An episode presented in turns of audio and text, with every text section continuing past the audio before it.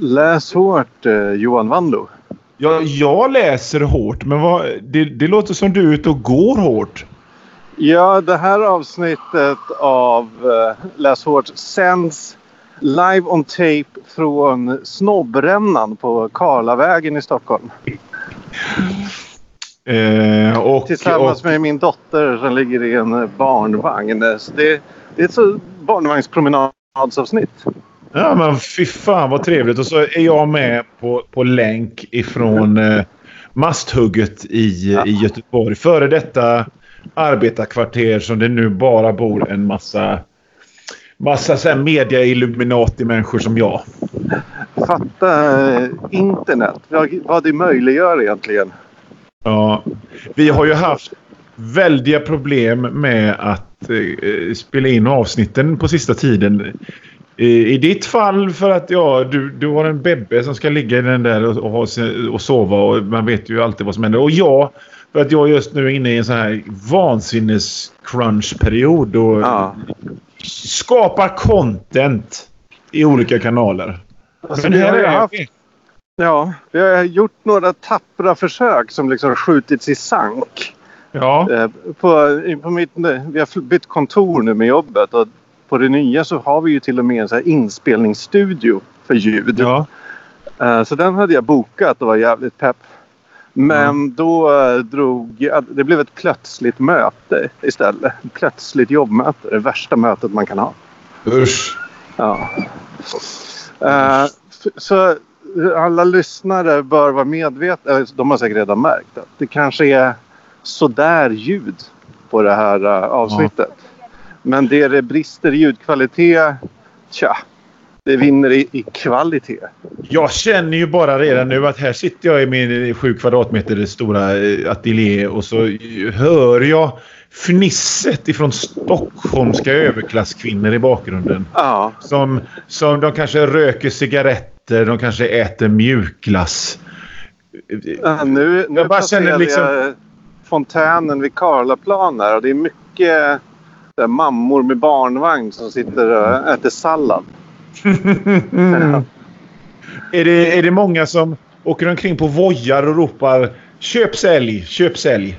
Jag har inte sett så många just nu men det brukar vara ständigt jävla flöde av de där bojarna. Det är fruktansvärt. Det är det faktiskt. Du är ju själv en... eh, vi ska inte prata om elskotrar nu. Johan. Det är viktigare saker att prata om. Alltså, först och främst kanske vi ska säga så här att det här blir sista läs hårt inför semestern. På Ja. sätt. Det blir det. Vi har Och ju en tradition så- av långa sommarlov. Ja. Och jag ska ha riktig semester. Jag ska inte alls ha frilanssemester. Jag ska försöka ha riktig semester. Så att jag ska försöka läsa en massa grejer. Ja, ja. Nej, men du. eh, Du är fortfarande programledare här, så styr upp. Ja, ja, ja absolut. Eh, Jag har ju inga anteckningar eh, tillgängliga eftersom jag går och pratar rakt in i min telefon. Ja. Men eh, ja, alltså. Här om... eh, Det var några månader sedan så pratade jag om att jag hade läst en jävligt bra fantasy-roman som heter Graceling. Ja. Eh, och sen hoppade jag på uppföljaren som heter Fire och den var jättedålig. Ja. Eh, när jag läste Fire så tänkte jag mycket på att den hette Fire. Ja. För nog finns det lite andra böcker som heter Eld också. Jo. Heter inte typ en av Cirkeln-trilogin-böckerna. Eld? Absolut. Det finns rätt många sådana där. Ja. Och då eh, börjar jag ännu mer fundera på den så här ganska begränsade ordvalet i fantasy-titlar. Mm. Eh, jag kommer första gången, eh, jag har ju alltid varit medveten om det. Alla fantasy-titlar från typ så här någonsin har hetat The Blah of Blah. Ja. The Shadow of Blood eller The Blood of Shadows eller The King of Blood Shadow. Ja, ja. Så då tänkte jag, finns det någon statistik eller kan man kolla upp på ett enkelt sätt utan att själv behöva göra jättemycket research? Ja. Vilka de vanligaste titlarna är. Ja. Det fanns lite så här när man eh, kollar runt. Det var lite sammanställningar som olika förlag hade gjort av liksom sin utgivning. Typ så här, någon social media manager som ville ha någon viral grej. Ja, och sen ja, ja. fanns det även att eh, tidskriften Locus. Eh, någon redaktör där hade sammanställt de vanligaste titlarna, eh, de vanligaste orden i titlar i eh, deras recensionsdatabas. Ja, ja, ja. Eh, och som sagt, jag önskar att jag hade den här statistiken framför mig. Men det har jag inte. Så jag kommer att posta den i vår Facebookgrupp för alla som vill detaljstudera. ja. Eh, men det var mycket riktigt som man kan tro. Att typ alla böcker heter något med Magic, Blood, Darkness Fire. och ja, Fire och eh, gud det var typ något så här Wizard eller något sånt där. Sword, kanske? Sword var vanligt. Ja. Eh, och så körs de här bara i olika kombinationer. Och ibland är det så här The Sword of Night och ibland kanske det är The Night Sword. Alltså du vet det är så här samma ord som bara mals om och om igen. Ja. Eh, så det tyckte jag bara var roligt. Alltså, Jag har, det, jag det, har får ingen djupare analys här. det, det får mig att tänka på... eh, För att... För jag är ju i bokbranschen på Ja. ett sätt. Och en grej som man ofta stöter på när man pratar med människor... Alltså alla har ju relationer till böcker. Ja, Och alla har gärna åsikter och idéer om hur böcker görs. ja för man tänker Och- att det kan väl vem som helst. Ja, dels att... Ja, det, det är två lägen. Alltså, det Ja. kan vem som helst. Alltså, va, om man håller på med barnböcker så har man alltid träffat på den här som, som säger ja, jag, vill också, jag har också funderat på att skriva en barnbok. Vilket förlag ska jag välja, tycker du? Ja. Men sen så finns det de som har en extrem vördnad inför det också. Och som nästan blir lite upprörda när man låter antyda att det faktiskt är business också. Ja, just det. För det är att- inte ett heligt kall. Nej, utan att det- på, på, på, på många sätt är det ett heligt kall, men det är, det är också business. Och Ja. det finns liksom någonting som man, ehm, som man lär sig när man sysslar med böcker är att det är tidsbegränsat. Alltså, många civila tycker en bok! Åh herregud, den ställer vi på pedestalen på siden ehm, på sidenkudden och så är den evig när, när bokbranschen faktiskt ser, eh, liksom, det är lite grann som livsmedel. För att boken har en livslängd och sen är den, om det inte är en evig klassiker eller typ Jan Guillou och Camilla Läckberg, så är det borta. Och då kan mycket väl en bok heta exakt samma sak som en annan bok. Ja. Det spelar ingen roll för boken är död mellan tre månader, sex månader, ett och ett halvt år beroende på popularitet. Ja. Och sen jag, ska det läste, se ut nytt liksom. jag läste i någon rapport att om en bok inte liksom fått vingar så här, första veckan eller 14 dagar.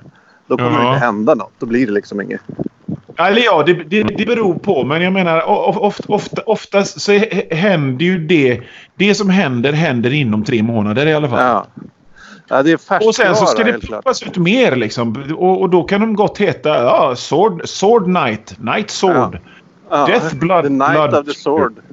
Ja. Eh, Jag gissar ju också att i eh, speciellt genrelitteratur så lär det ju vara att en viss typ av titlar och en viss typ av ord säljer bara bättre.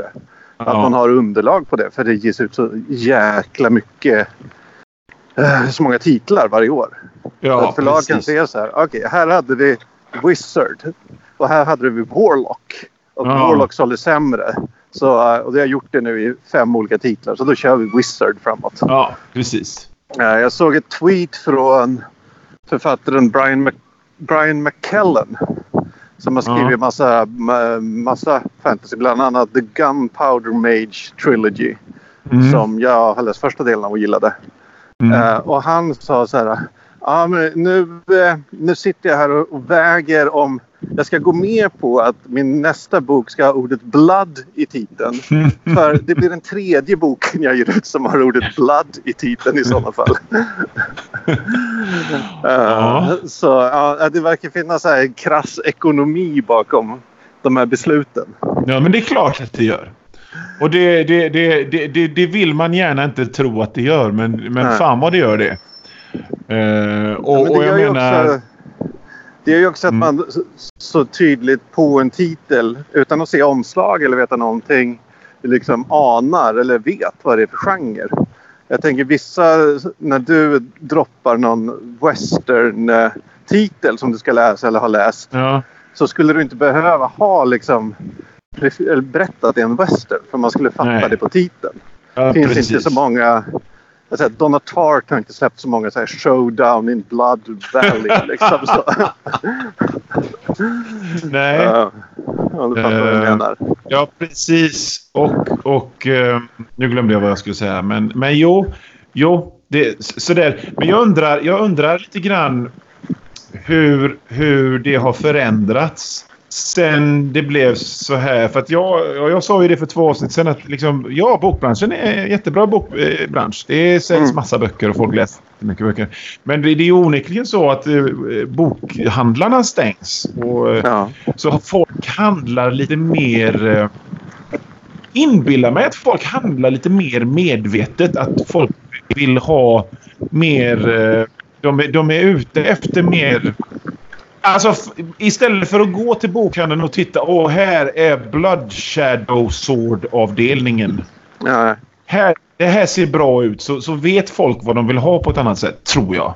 ja, det tror jag med. Det, men det handlar väl om alltså, att så mycket köps via nätet. Och där, Ja. om, det är inte riktigt samma... För mig så här browsing.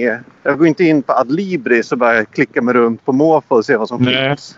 Utan då har man ju ofta en titel man är intresserad av. Precis. Och jämfört med om jag går till science fiction-bokhandeln då kan jag komma hem med lite så här, saker jag aldrig hört talas om. Ja, ja exakt. Men det händer Snygga nästan omslag eller bara liksom på- de som gör en intresserad. Ja, exakt. Det händer ju aldrig online skulle jag säga. Nej. Eh, ja, nej, men uh, så... ja, jag har inget mer att säga om detta egentligen. Nej, Men, men- Är det något som går och tynger ditt hjärta? Jag- Som jag sa förut så... Just nu så är jag inne i... Vi pratar om böcker. Jag håller på med tre stycken samtidigt nu. Ja, Eh, Jag lämnade precis det sista till min egen bok som kommer i höst som heter Enklare fysiska övningar. Och Det är en samling med skämtteckningar från Ja, GP och Galop och liknande och sånt. Och den kommer vara lite speciell för den in- det kommer vara fotoomslag och så är det en massa nyskrivna texter. Jag lämnade det sista på den igår. Och sen så håller jag på med Kapten Klara eh, barnboken. Kapten Klara den mystiska diamanten. Där har jag typ sju bilder kvar och sen är den klar. Och sen håller jag på att illustrera en annan bok. Och detta ska vara färdigt innan första juli. Så att Flera det är Flera dagar kvar. Vad sa du? flera dagar kvar. Flera dagar kvar. Eh, så det är onekligen så att liksom, jag har inget liv just nu. Och så ska Nej. man samtidigt rodda en massa sommarlovslediga tonåringar som ligger och drar sig och vill ha frukost. Och, Varför kan inte lunch då? Så att, så att min spaning då, som vi brukar kalla de här, de här diskussionerna innan vi går in på vad vi har läst, är att jag inte har jag har, inte, jag har inte kommit på någon för jag har fan inte hunnit för jag har jobbat med att göra böcker så jävla mycket. Så jag har fan Ja. inte kunnat jag har fan inte kunnat hitta på eller tänka något smart eller någonting om, om böcker överhuvudtaget. Och jag har fan definitivt inte läst någonting. För att jag har suttit eh, 9 till 5 på dagarna, roddat middag, läxor, whatever, ärenden. Och så sen har jag suttit in på natten och fortsatt. Och den här Alltså- boken som jag sa förra eh, avsnittet att jag skulle läsa. Den har jag läst halva och jag har nog aldrig hållit på med en bok så jävla länge. Och den är bra. Det är bara det. Jag hinner inte. Hinner inte. Nej, Och hinner då inte. kom jag följande så här. För att vi närmar oss ju sommaren då. Här kommer då spaningen som jag till slut kom på ändå. Ja, Det är ju liksom närmar oss som, sommaren och semestern och då pratas det eller läsning, avkoppling. Ja, vad härligt. Och läsa och koppla av. Och jag känner nu då när jag verkligen är i behov av att koppla av att jag kan inte läsa. Har jag en stund över så ligger jag bara och lyssnar på goa låtar på, eh, på Spotify eller, Mm. eller spelar eh, typ någon Tetris-klon eller någonting. Så att min spaning är att jag måste vara avkopplad först för att kunna läsa. Intressant. För jag blir ju avkopplad av att läsa. Okej. Det är mitt sätt att varva ner.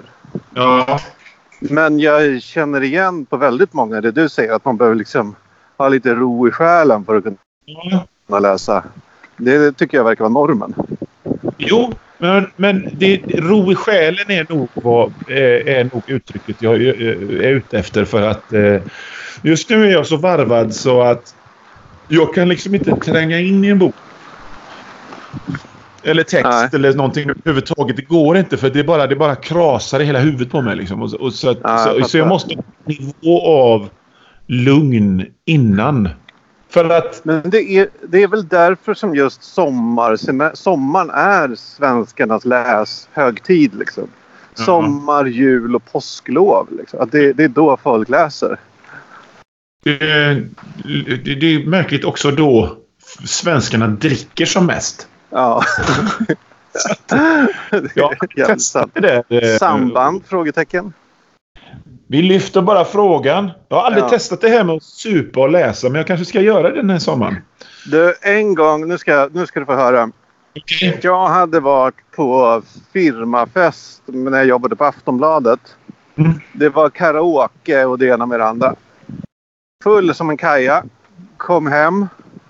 Eh, satte igång och läsa Grant Morrisons Seven Soldiers of Victory. Okej. Okay. uh, så klockan var kanske... Jag kommer ihåg kanske halv fyra eller något sånt där. Men kunde inte sova så jag bara, nu ska jag läsa. Volym två var jag på. Så den körde jag igång med. Fatta inte ett skit. Jag satt där, läste, bara bläddrade tillbaka. Jag förstod verkligen inte vad som hände. Uh, så det, jag tror inte det är att rekommendera att läsa på fyllan just. Det tror jag inte. Nej. Det Sen kanske det var mer Grant Morrison än min fylla. Det vet jag inte. Men... Alltså just Grant Morrison eh, är ju också en jävla bett att ta när man är full. jag vet. Jag menar, vad fan. Han gjorde någon serie som hette The Filth eller någonting sånt där. Ja. Uh, kommer jag inte ihåg vem tecknaren var. Så, men den, den... Jag var spiknykter, van serieläsare. Läste 15 sidor och tänkte vad fan. Jag förstår ingenting. Nej. Ingenting. Detta. Ja, han, han, uh, han anstränger sig för mycket ibland tror jag för att vara, vara lite konstig. Ja. Det är min upplevelse. Det finns, jag har tänkt på det väldigt ofta att Uh, jag, jag, jag gillar ju de här engelska serieförfattarna. Alan Moore och Pete. Mm. Alltså alla de som efter honom. Och Warren Ellis tycker jag eh, eh, han har två lägen. Antingen skitbra eller skitdålig. Ja. Och, och Grant Morrison och alla sådana Men all... Och, och vad heter det i viss mån... Um, vad heter han som skrev Punisher och Preacher? Garth Ennis. Garth Ennis, ja. Ja. Men alla, alla är liksom lite ironiskt distanserade. In, i, I varenda intervju man läser... Vad sa du? De har en charm, en viss charm som man inte hittar någon annanstans tycker jag. Jo, men dels det. Men de är också liksom lite ironiskt distanserande från hela grejen. Det är alltid så här att ja, nej, jag gillar ju egentligen inte superhjältar så det här är det är liksom som de aldrig går all in och, och liksom diggar det de gör när de jobbar. Jag gillar inte superhjältar men jag lägger flera år av mitt liv på att göra den här serien ändå. Ja, men, ja, men det, är, det är liksom de tuffar sig lite. Warren Ellis Ellis har en lång rock och, och långt hår och, och, ska posera med cigarett jämt. Ja. nej, jag, är inte, jag är inte speciellt intresserad av superhjältar. Nej, men vad... Liksom, det, ja, ja.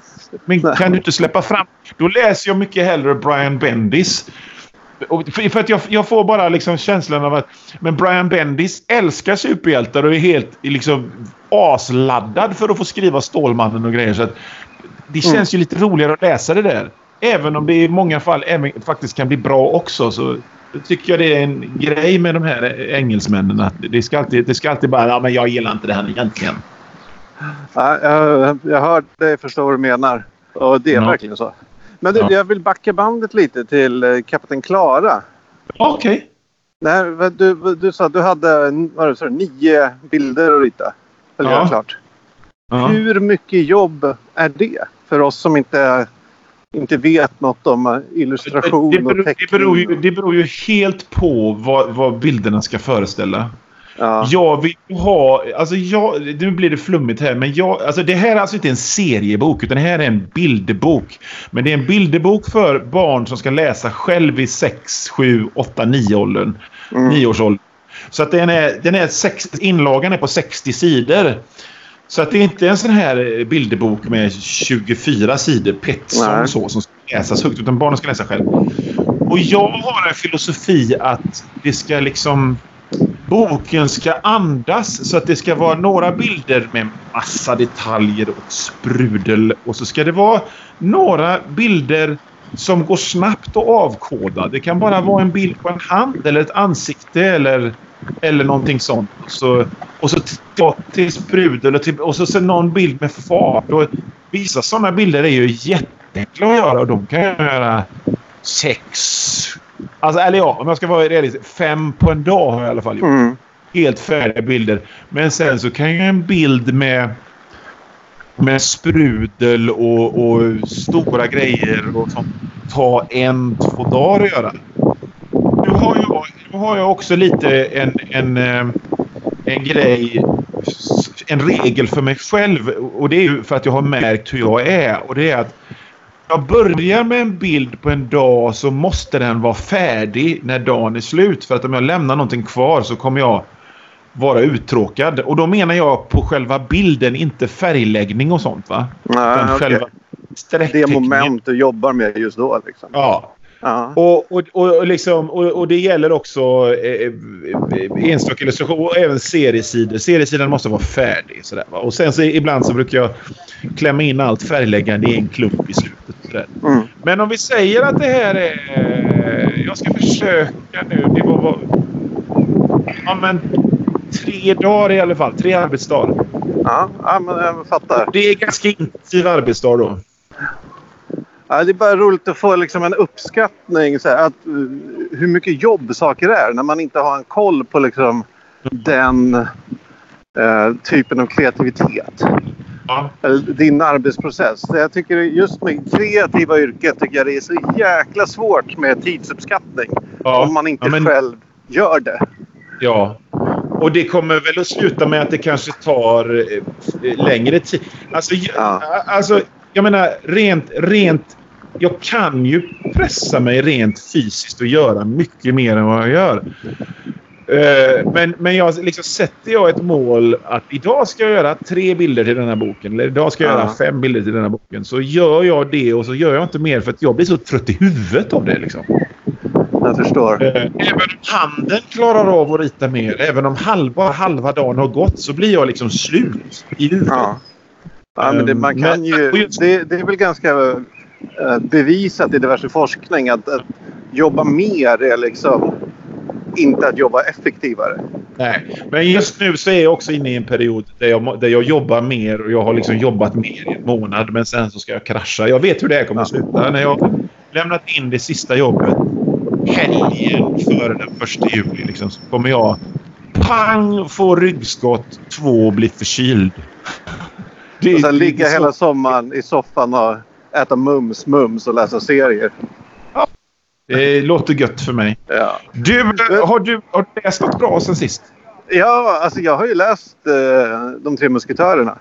Ja, just ja. det. Det sa du. Uh, och uh, när du sa där att uh, du vill att en bok, att det ska vara ett tempo i ett bok. Att det, ibland är det mycket, ibland är det mer sparsmakat och sådär. Boken andas. Så är det inte riktigt i De tre musketörerna. Där är det, de bara det bara staplar de göttiga scenerna på varann hela tiden. Det är liksom inget andrum någonstans. Det är så här, från duell till duell till duell till eh, romantiskt drama med drottningen typ. Till krig, ja, ja. till duell i kriget, till duell igen. Det är bara det är inga transportsträckor. De, liksom, de re, resorna de gör är liksom från en paragraf till en annan. Nu är de i London. så, ah, uh, så det är... Jag, jag, fattar varför det har blivit en, en så här pojkrumsklassiker. För det är verkligen... Uh, det är mycket gött i den. Mycket, mycket köra. Ja, oh, härligt. Men du, är, är, är det kul att läsa då? Eller blir man trött på det? Jag var över förväntan. Alltså jag tänkte så här, du vet, gamla klassiker kan ju vara ganska drygt att läsa. Men det här Ja. var riktigt bra faktiskt. Det var en en jävla resa att läsa. Det, den var inte alls som jag trodde den skulle vara. Dels, dels är huvudpersonerna är till en man jävligt osympatiska. De är så här... Ja, vi är musketörer. Vi har vapen. Vi gör vad vi vill. Vi kräver orimliga saker av folk i vår omgivning. Så här. Vi kräver att, att, eh, att eh, någon jävla landlord ska bara skicka upp massa lådor med vin och champagne till dem. Så här. Av ingen egentlig anledning. Annat än att de, de ville ha det. Ja. Ja. Och de är... De ljuger och de luras och de håller hemligheter. Och det är skumraskaffärer. Eh, Portos som då är den mer... Eh, beskrivs kanske som den lite mer korpulente av... Eh, eh, vad heter det? Musketörerna. Ja. Han håller på... Han har en affär med någon... Eh, ja, någon rik persons fru.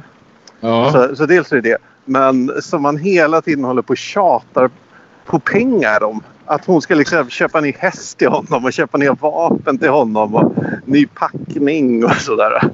Alltså helt så extremt osympatiska allihop.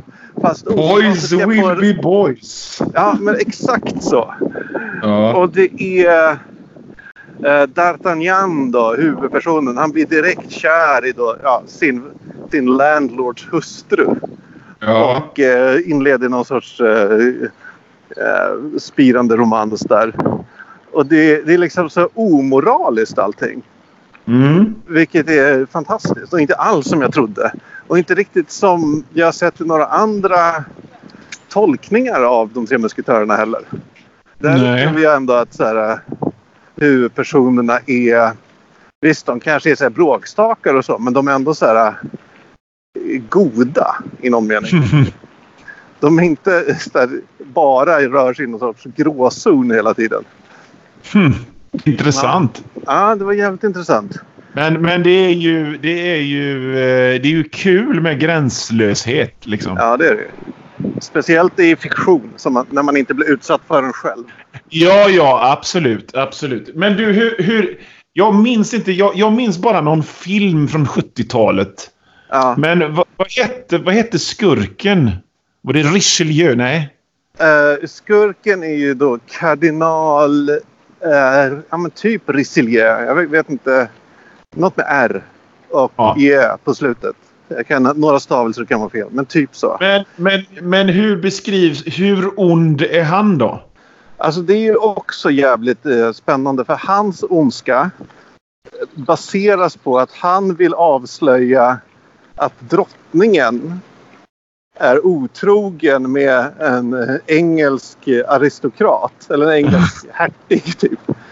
Det är egentligen det. Och, eh, och eh, musketören är liksom på drottningens sida. Det, det är inte mer än så. så han, ja, men sen, han, visst, han håller på och spionerar och har massa lite sådana kanske skumraskiga saker för sig. Men själva grundkonflikten är att Ja. han vill exponera drottningen och det vill inte musketörerna. Det, är ju väldigt, väldigt, väldigt intressant. Liksom, det, handlar, det handlar om att liksom, makten ska behålla makten. Det, Ja. det, är inte, det är inte rebell underifrån utan det handlar om ett bevarande av status quo. Väldigt intressant. ja, men det är verkligen. Uh, de här musketörerna är ju där kungens elitgarde. Liksom, så det är ju inte Ja. några fattiglappar. Eh, men en annan väldigt rolig sak i det, det är mycket dueller. Eh, och alla de här musketörerna, uh, Athos, eh, Portos och Aramis. Det är Ja. inte deras riktiga namn då, utan det är deras typ musketörnamn. Så det är lite hemligt så här, vem Aramis är eller vem Athos är och sådär. Vad de egentligen heter. Och eh, vid ett tillfälle ska de duellera med några brittiska lorder. Alla tre, tre mot tre. Och eh, då säger eh, en av de här brittiska lorderna så här. "Ja, Jag kan inte duellera med er om jag inte vet eh, vilken jag egentligen är. För det är så här o, oärofullt så. Eh, Så då tar Athos sin motståndare åt sidan och eh, berättar vem han är. Så man får inte reda på det då i boken. Eh, och sen säger han till, till den här engelsmannen ja, nu vet du vem jag är så nu måste jag tyvärr döda dig i den här duellen. Och engelsmannen skrattar så här. Haha, roligt. Varpå han dödar engelsmannen. alltså bara så här. De dödar folk hela jävla tiden. Det är inte så här duell till första såret utan de bara slaktar liksom. Och det gör sig ingen poäng av det. Nu så här, oj, vi, det blev en duell här med kardinalens män. Eh, vi dödade allihop och sårade en så han får ligga på sjukhus i så här, tre månader. Ja, ja, det var väl det. Nu går vi och Men vad glad jag blir att du låter jätteglad. Ja, blir, men det är det som är det roliga. Det, den är helt fantastisk. Man, Ja. den, är, den är så bisarr och den har sånt där underfundig, lite dryg humor. Som är eh, bara härlig att läsa. Men bara Ja. så här i början när, när D'Artagnan lämnar sitt hem. Då ja. får han, eh, hur fan var det, en, en nästan död häst. Typ motsvarande 500 kronor i eh, dåtidens valuta. ja. Och eh, en värja samt recept, sin mammas recept på en så här helande tonic som man kan smeta på sina sår. Och så får han rådet av pappa så här. Ah, nu, du vet att det är eh, olagligt att duellera. Därför är det väldigt modigt att duellera. Så duellera så mycket du bara kan. Det är så- här, bara, ah, det är fantastiskt. Men tror du inte det kan vara så här? Nu, nu är inte jag insatt liksom i en historiker. Det kommer säkert att ta mig i örat nu. Men lästes inte det här av en ganska av en ganska styrd borgerlighet på sin tid? Jo, Som- alltså den gavs väl ut någon gång på 1800-talet. Så den Ja. skrevs så här 200 år efter den utspelade sig någonting. Ja. Så det kanske fanns... Jag vet inte vad, hur man i 1800-talets Frankrike såg på 1600-talets Frankrike. Troligen var det väl så här... Inte superpoppis med kungar och grejer. Nej. Ehm, jag tror det var efter Napoleonkrigen gissar jag. Så eh, det kanske är bara så att driva löje med det forna liksom, aristokratin också. Jag vet inte. Ja. Visa dem Och så har du någon jag, jag tänkte om det var någon slags wish fulfillment. För jag tänker på liksom på James Bond och snobbar som jobbar och helgonet på 60-70-talet. Ja. Som det var typ sådana som min pappa. Kristna kontorister som tittade Ja. på. Så var det liksom, så tittade de på människor som, som drack drinkar och eh, raggade brudar i Monaco och gick på Formel 1. Och liksom, det fanns inte på kartan att de skulle göra det själva. Och så... Ja, ja. Ja, du har nog säkert rätt att det var ett ganska stort mått av det också. Och jag vet inte riktigt vilka som om det var liksom en pojkbok från början också. Eller Mm. om det kom liksom senare. Om det lästes av... Ja, jag vet inte riktigt vilka som läste den när den släpptes. Nej. Men jag tycker hela genren där pojkrumsklassiker om man får kalla det så med... Ja, det är väl eh, den här, det kanske är Djungelboken. Kanske Skrivet från vildmarken. Robinson Crusoe kanske. Robinson Crusoe.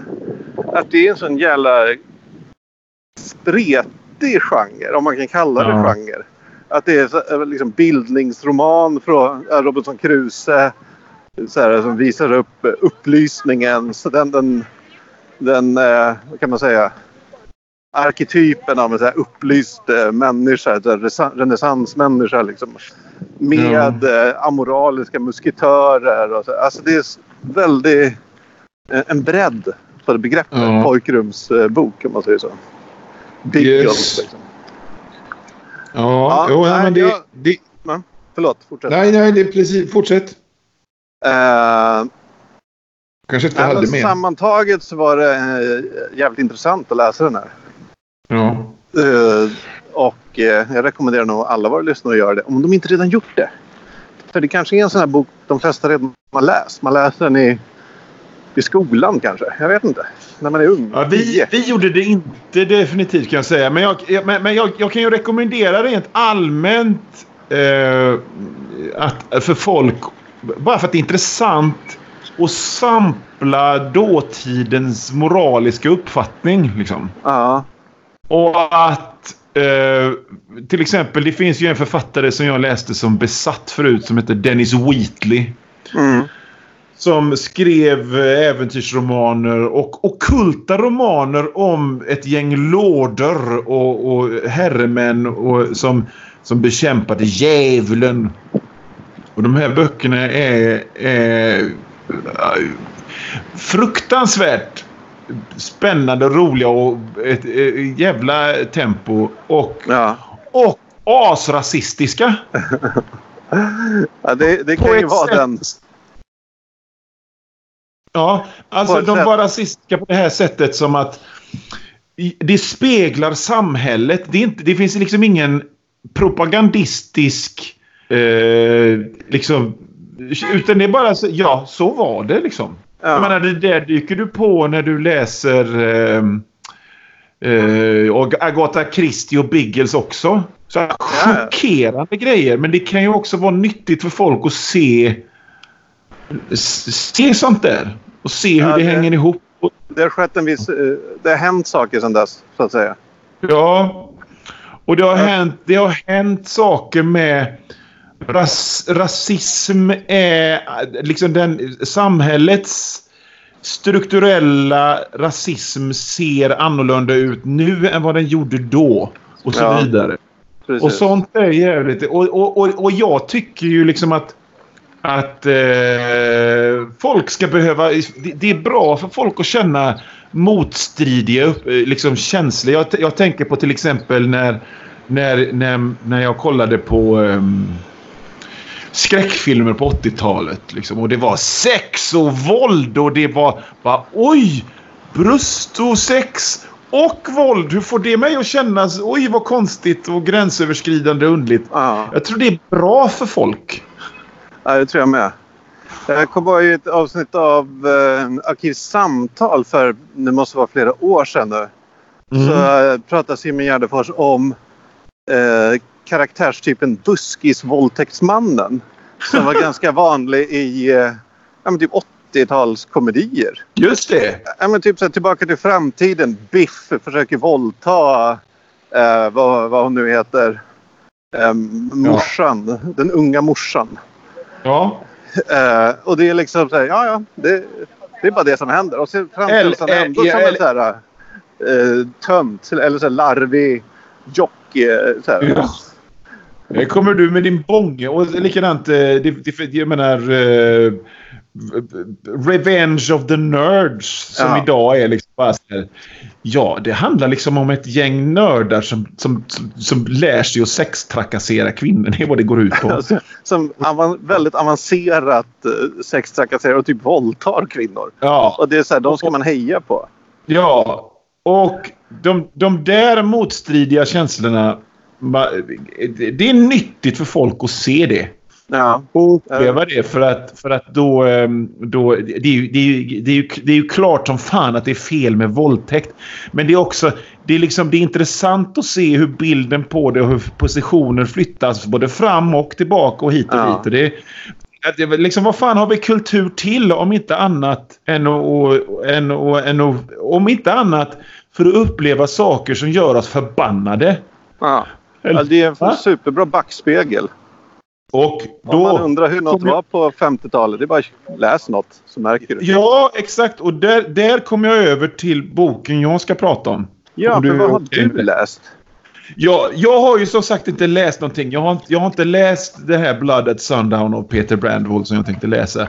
Men en bok som jag däremot vill prata om det är The, The Book of Weirdo. Och det är en fackbok Ja. av John B. Cook som handlar om en period som är väldigt, väldigt, väldigt viktig för mig som serietecknare. Det är nämligen 80-tals, 80-talets amerikanska underground. Mm. Weirdo var en tidning som drogs igång av Robert Crumb och därav så kommer vi in på det här med moralisk ambiguitet och grejer för att eh, Robert Crumb är jävligt illa ansedd i USA idag. Han är en av de här som, som, som folk tycker borde bli cancelled. Jaha. Vilket, vilket jag tycker är liksom... Det, det gör mig bara alldeles förbryllad för att jag älskade Robert Crumb. Men vänta, han, lever han fortfarande? Ja, han lever fortfarande. Jag, jag tror inte han är så jävla aktiv. Nej. Eh, men, men jag menar, jag, jag älskade Robert Crumb och jag, jag, jag tyckte han liksom... Fan, kanske inte så mycket att jag gillade hans serier som han gillade hans sätt att teckna. Liksom. Han, var, Mm. han var en fantastisk illustratör och en fantastisk eh, hantverkare i det. Men han i alla fall, han var ju 60-talets stora förgrundsfigur inom Underground-serien. Och Ja, så han har väl varit han- hur inflytelserik som helst. Ja, som och så blir han liksom lite... Han blir... ehm, och så kommer 70-talet och hans, hans stjärna dalar. Mm. Och han blir jagad av Skatteverket och så vidare. Så tar han sig ut i- ur det och så i slutet av 70-talet, början på 80-talet så startar han en antologiserietidning som heter Weirdo. Och mycket av det som, som gick i den tidningen gick sedan i den svenska 80-talsserietidningen Pox. Och det här alltså handlar om en, om liksom underground-seriens estetik och, och deras... Men taget då liksom flera steg upp till 80-talet. Så det var ju mycket unga människor som var barn när Robert Crumb höll på. Och mycket av hans kontemporära som gjorde grejer. Och så ibland, mycket, i mycket, många fall, rena dårar som man bara hittade och tryckte deras helt konstiga flätter och sådär i den här tidningen. Och till exempel, eh, det, det, det, det är många tecknare som jag älskar än idag som har påverkat mig oerhört som medverkade i denna tidningen Weirdo. Till exempel Peter Bagg som sen blev tidningens redaktör och, och likadant Robert Crumbs fru Aline eh, Kominsky Crumb som är serietecknare i sin egen kraft och är Ja. grym. Och den här tidningen är... Det, det är helt omöjligt att eh, återtrycka den. Man kan inte göra en, eh, en samlingsvolym av den för att det handlar om så otroligt mycket rättigheter hit och dit. Till exempel så finns, fanns det en tecknare vars namn jag inte kommer på. En, eh, en kvinna som gjorde en serie som handlar om en lös penis som sprang omkring. Eh, pang så blir hon superreligiös och idag präst. Hon vägrar l- låta den serien bli återtryckt. Det fanns Så en- de jobbade inte så mycket med kontrakt och grejer då heller. Så det är bara så här, den som gjorde det äger det. Liksom. Ja, exakt. Och, och, och, och, och, och likadant, det fanns en tecknare som heter Doris Sida. Som jag minns att jag älskade på 80-talet. Då handlade vi liksom om en kvinna som då var typ 32 år. Och jag var 14. Och hon gjorde serier om sex och snusk och, och, och, och fräcka rocktyper. Och det, man blir ju helt galen som liten parvel när man läser det. Mm. Ness, eh, hon dog. Hon levde hårt och dog i lunginflammation för att liksom hon ja, rökte för mycket. Ja. Hennes serier får inte återutges idag för att hennes mamma inte tycker om dem. Tycker inte om att dottern på med sådana grejer. Så att, så, att, så, att, så att det är helt omöjligt att göra en komplett återutgivning av, av, av tidningen Weirdo. Men vad däremot John B. Cook har gjort, det har gjort en bok som handlar om tidningen Weirdos och Robert Crumbs historia.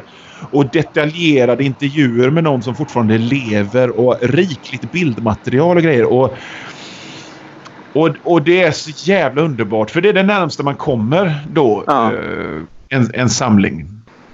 Fan, vad av, av det här. Och det är så jävla kul, kul att läsa de här serierna igen för att för att jag är så jävla marinerad i serier så att serier från 80 och 90-talet har samma musik som, har samma effekt som musik från 80 och 90-talet för mig. Jag blir så där bara... Oh, vilken, mm, Daniel Klaus hit och dit. Och, oh, Robert Crumb på den här perioden.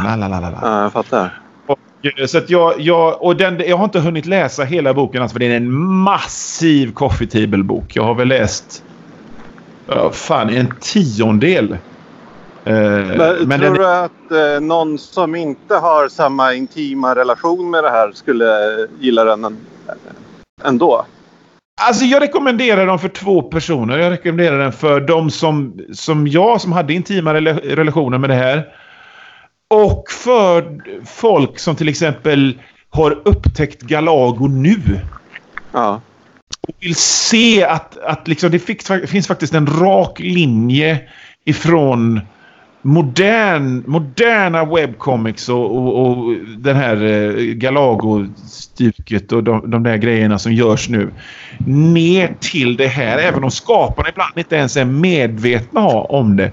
För att den tecknaren påverkade den tecknaren som påverkade den tecknaren som påverkade den tecknaren och så vidare och så vidare och så, så vidare.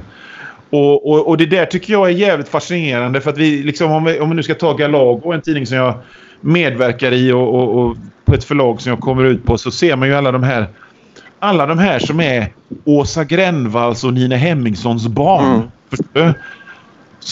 Där, där Åsa Gränvall och Nina Hemmingsson var det första de någonsin läste i serieväg. Och, och, och de är... Det är deras Robert Crumb och Peter Bagg. Det. Och det är så... Det, liksom...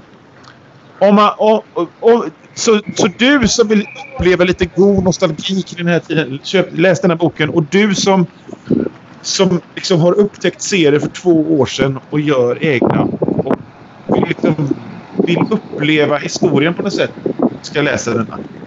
Och det är en gedigen bok med massa bilder. och Dyr som fan och snygg som fan och svår som fan. Och, sådär. och eh, sen naturligtvis, som vi pratade om, så har ju Craft sina sidor. Och, liksom sexism hit och, och i viss, i viss mån liksom rasstereotyper dit. Ja, men ändå. Liksom, ja, man, man kan läsa historiska dokument så att säga utan att skriva under på deras värderingar. Absolut. Ja, Absolut. Det, det, känns som något som ofta försvinner när debattens svallvågor går höga. Ja. Att eh, det är faktiskt fullt möjligt. Ja, nej men det, det, det är fullt möjligt. Jag, jag, skulle vilja liksom säga så här att... Eh, jag är heller... Alltså, det finns ingenting som gör mig så trött när man, som när man läser sån här serieforum på Facebook. Och det all, alla är i min ålder. Mm. Det är gubbar i min ålder enbart. Och vad det än må handla om så slutar det i och det där får man ju inte säga längre, det var bättre förr. Jag, jag, liksom, jag hatar det också. och blir ja, men det är liksom så här, varför vill du säga det? Det är redan sagt tusentals gånger. Säg något nytt ja, istället. Liksom. Och dels, det är också så här liksom, men, men jag menar men du har ju för fan själv aldrig gjort någon, något någon skulle kunna tänka sig bli upprörd av någonsin. Nej. Är, det, vad, är det, vad är det som hindrar dig att säga de här sakerna? Jag, jag blir bara rädd att jag lät som en sån gubbe nu. För jag, jag hatar sånt också liksom. Nej, jag tror att både jag och alla våra lyssnare förstår eh, att du är lite mer nyanserad än så. Ja. ja. Men du, eh, innan vi knyter ihop säcken för den här terminen så kanske... Vad ska du läsa i sommar? Ja, jag har köpt på mig asmycket böcker eh, faktiskt. Eh, som jag ämnar läsa. Eh, jag har till exempel... Eh, jag har pratat om serien Hard Case Crime. Som ger ut nytt och gammalt eh, noir och sånt. Jag har, jag, liksom, jag, köp, jag har köpt massa sånt liksom deras senaste års utgivning. För jag, jag har bestämt mig för att jag ska, jag ska stödja dem och läsa allt de ger ut. Men närmast i läshögen när jag väl plöjt igenom den här jävla Blood at Sundown av Peter Bramble så ska jag läsa Karimora av Thomas Harris. Känner du till Vad Thomas Harris? Alltså Thomas Harris är ju författaren som skapade Hannibal Lecter. Ah, eh, han skrev fattar. böckerna När lammen tystnar och eh, Red Dragon och, och så vidare. Och han har alltså en sån jävla liten produktion. Han började skriva böcker på 70-talet och han har typ skrivit sex böcker allt som allt. Shit. Ändå alla har blivit storfilmer. Så hans första bok Red Dragon har blivit film två gånger. Först Manhunter och sen Red Dragon. Och ja. man tystnar av Hannibal och Hannibal Rising och alla dem liksom. har alla blivit filmer. Och det är fan allt han har gjort. Och jag älskar hans böcker. För att ta till exempel eh, Eh, när lammen tystnar är ju, var ju, var ju framförallt... Jag kommer inte så ihåg mycket av boken, men det var ju en stor filmupplevelse. Men boken Hannibal är ju något helt annat än filmen Hannibal. För att i den boken så avslöjas det att eh, Hannibal Lecter är inte så jävla ond ändå. För han har alltid preferred to eat the rude, som det står. och i den så, så, så slår han sig ihop med Clarice Starling. Eh, Jodie Fosters rollfigur från den här filmen då. Eh, för, att, eh, för att jaga och ta ner en, en skurk som är långt mycket vidrigare än vad han själv är. Så att, så att, så att eh, eh, Hannibal Lecter blir en, som någon slags eh, lite överårig James Bond. Eh, i, I den. Och jag, och jag älskar det. James Bond. Ja, och jag, jag, jag älskar det. Och, och, och, ehm, och, eh, filmen är inte alls sån. För där, där, där, där slutade med att uh, Hannibal Lecter är asond. Men här, Hannibal, jag kan väl säga det efter, vad fan är det, 15 år sedan den kom ut. Det slutar med att Hannibal och Clarice lever eh, lyxliv i, i Europa. Eh, efter att ha tagit ner den här skurken. Men i alla fall, det var helt oväntat att Thomas Harris skulle skriva en ny bok. Och plötsligt så, utan någon slags fanfar så kom det en som heter Caro Mora. Och den, den bara köpte jag pang i, i uh, hårdomslag för att fan vad kul. Och nu och har jag märkt att den har fått horribla recensioner.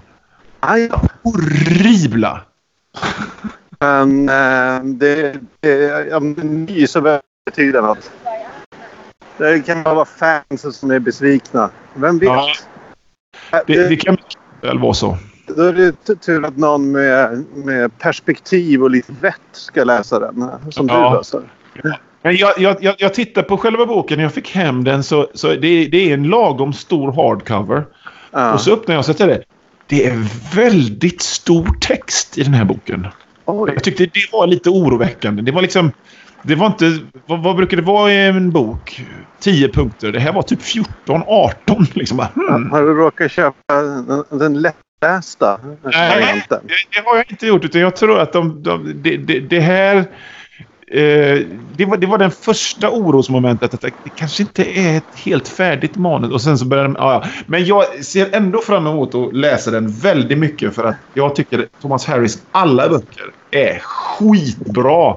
Ja. Så det ska bli kul att läsa någonting nytt från honom. Du får börja hösten. Ja.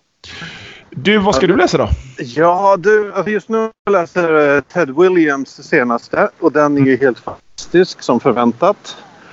Uh, men alltså jag vill egentligen inte skriva i, eller hugga i sten när jag ska läsa. Så jag tror jag kommer läsa David Eddings. Ja. Som jag inte har läst. Polgara the Sorceress. Som Aha. släpptes uh, strax efter att jag liksom blev vuxen för David Eddings. Ja, ja, ja. Strax efter att min smak blev så raffinerad att jag... Robert Jordan är mycket bättre än David Eddings. Uh, så. Så den ja. kommer jag nog läsa faktiskt. Den köpte jag i pocket, antikvariskt vid något tillfälle. Nice! Ja. Du, och, nu börjar du ja, bryta upp i, i, telefonen här så det kanske är läge att säga hej då och så ses vi till, till hösten igen. Ja, då gör vi bara så rakt av. Läs ja. hårt Johan. Läs hårt Magnus! Och läs hårt alla lyssnare.